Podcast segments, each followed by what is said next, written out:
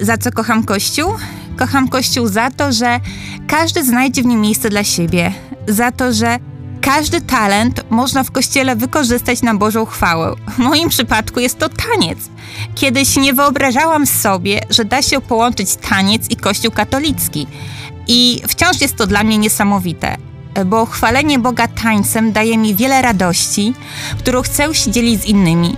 Jest to też rodzaj modlitwy, która pomaga mi przetrwać gorsze dni. Modlitwy nie tylko śpiewem, ale całym ciałem, które przecież jest świątynią Ducha Świętego. A piosenki chrześcijańskie przypominają mi Boże obietnice.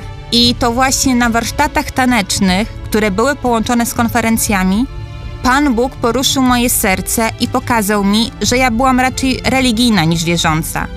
Wtedy też zaczął proces mojego nawrócenia i ożywił moją wiarę. Pomógł mi odkryć, co to znaczy być Jego dzieckiem i zaufać Mu na 100%, dzięki czemu dużo mniej się martwię i jestem weselsza. I właśnie za to kocham Kościół, za to, że są w nim takie inicjatywy. Kocham Kościół za to, że daje różnorodne możliwości uwielbienia Boga. Kocham Kościół za to, że mogę w nim służyć również swoimi talentami. Patrycja, jestem ze wspólnoty jednego ducha.